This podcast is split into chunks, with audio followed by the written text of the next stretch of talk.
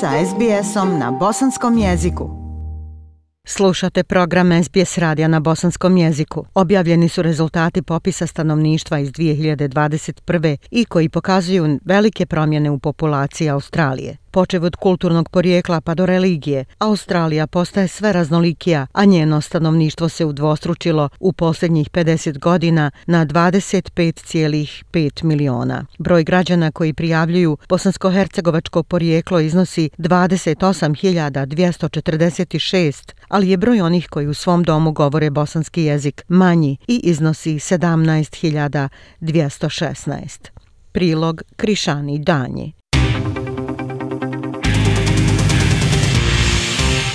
Australijsko stanovništvo postaje sve raznolikije i manje religiozno. To su ključni nalazi posljednjeg popisa stanovništva iz 2021. Populacija je nastavila ubrzano rasti s više od milion novih stanovnika koji su stigli u Australiju u posljednjih pet godina, a velika većina je došla prije zatvaranja granica 2020. zbog globalne pandemije covid -a. Popis stanovništva iz 2021. daje zanimljivu sliku moderne Australije. Teresa Dickinson iz Australijskog zavoda za statistiku kaže da popis pokazuje kako se obrazci migracija mijenjaju.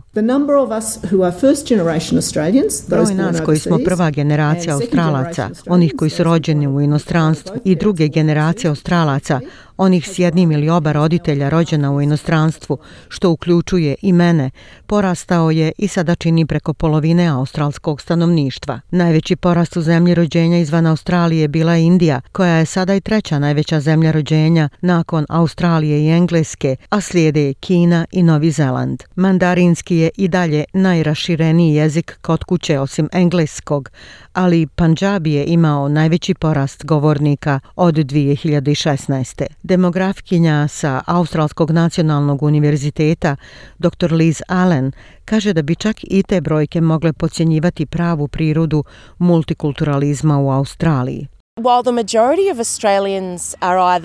Dok su većina Australaca ili sami rođeni u inostranstvu ili su njihovi roditelji rođeni u inostranstvu, to je samo vrh ledenog brijega. Mnogo je više Australaca koji se poistovjećuju sa onim što se naziva australskim identitetom sa crticom.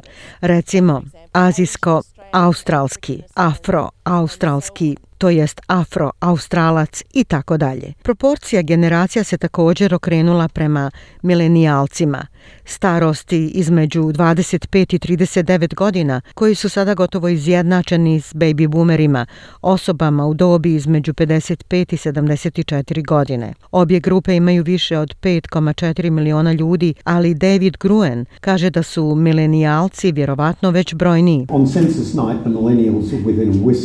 U noći popisa milenijalci su bili za dlako brojniji od broja baby boomera, I do sada je gotovo sigurno da su milenijalci pretekli baby boomere jer im je prošlog avgusta nedostajalo samo 5000. Popisom iz 2021. obilježeno je 50 godina od kada su aboriđini otočani Moreo za Torres prvi put uključeni u popis. Ovaj put broj ispitanika koji su se identificirali kao aboriđini i otočani Moreo za Torres porastao je za 25,2% u odnosu na 2016. na više od 810.000 ljudi ili 3,2% stanovništva.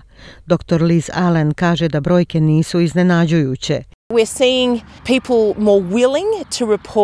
Vidimo ljude koji su spremni da izjasne svoj identitet kao australski prvi narodi, a pored toga vidimo da je među australcima iz reda prvih naroda veći natalitet. Međutim, profesorica emeritus Sandra Harding iz Independent Assurance Panela, koja istražuje kvalitet podataka popisa, kaže da je vjerovatno još uvijek nedovoljan broj prijavljenih autohtonih australaca. Uprkos povećanim naporima Australskog biroa za statistiku, procjenjuje se da 17% aboriđina i ostravljana tjesnaca Torres i dalje nije ubrojano u popis 21. kao i u posljednja dva popisa. Ured za statistiku će to dalje ispitati.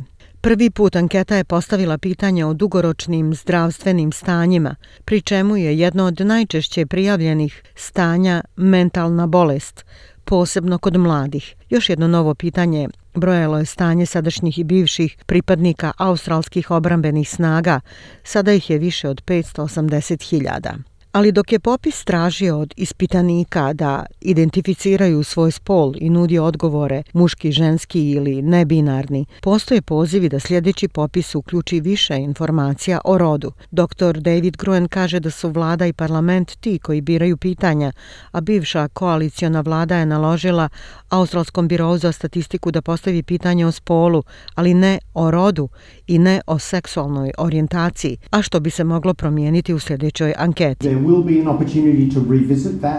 Biće prilike da se to ponovi za popis stanovništva 2026. Biro za statistiku će se uključiti u proces javnih konsultacija koje počinju kasnije ove godine kako bi pitali članove zajednice imali i drugih pitanja za koja ljudi misle da bismo ih trebali postaviti. Popis stanovništva je ključan pokazatelj za isticanje kako Australija evoluira u budućnosti. Ja sam Aisha Hadži Ahmetović. Ostanite uz program SBS radija na bosanskom jeziku. Like, share, comment. Pratite SBS Bosnian na Facebooku.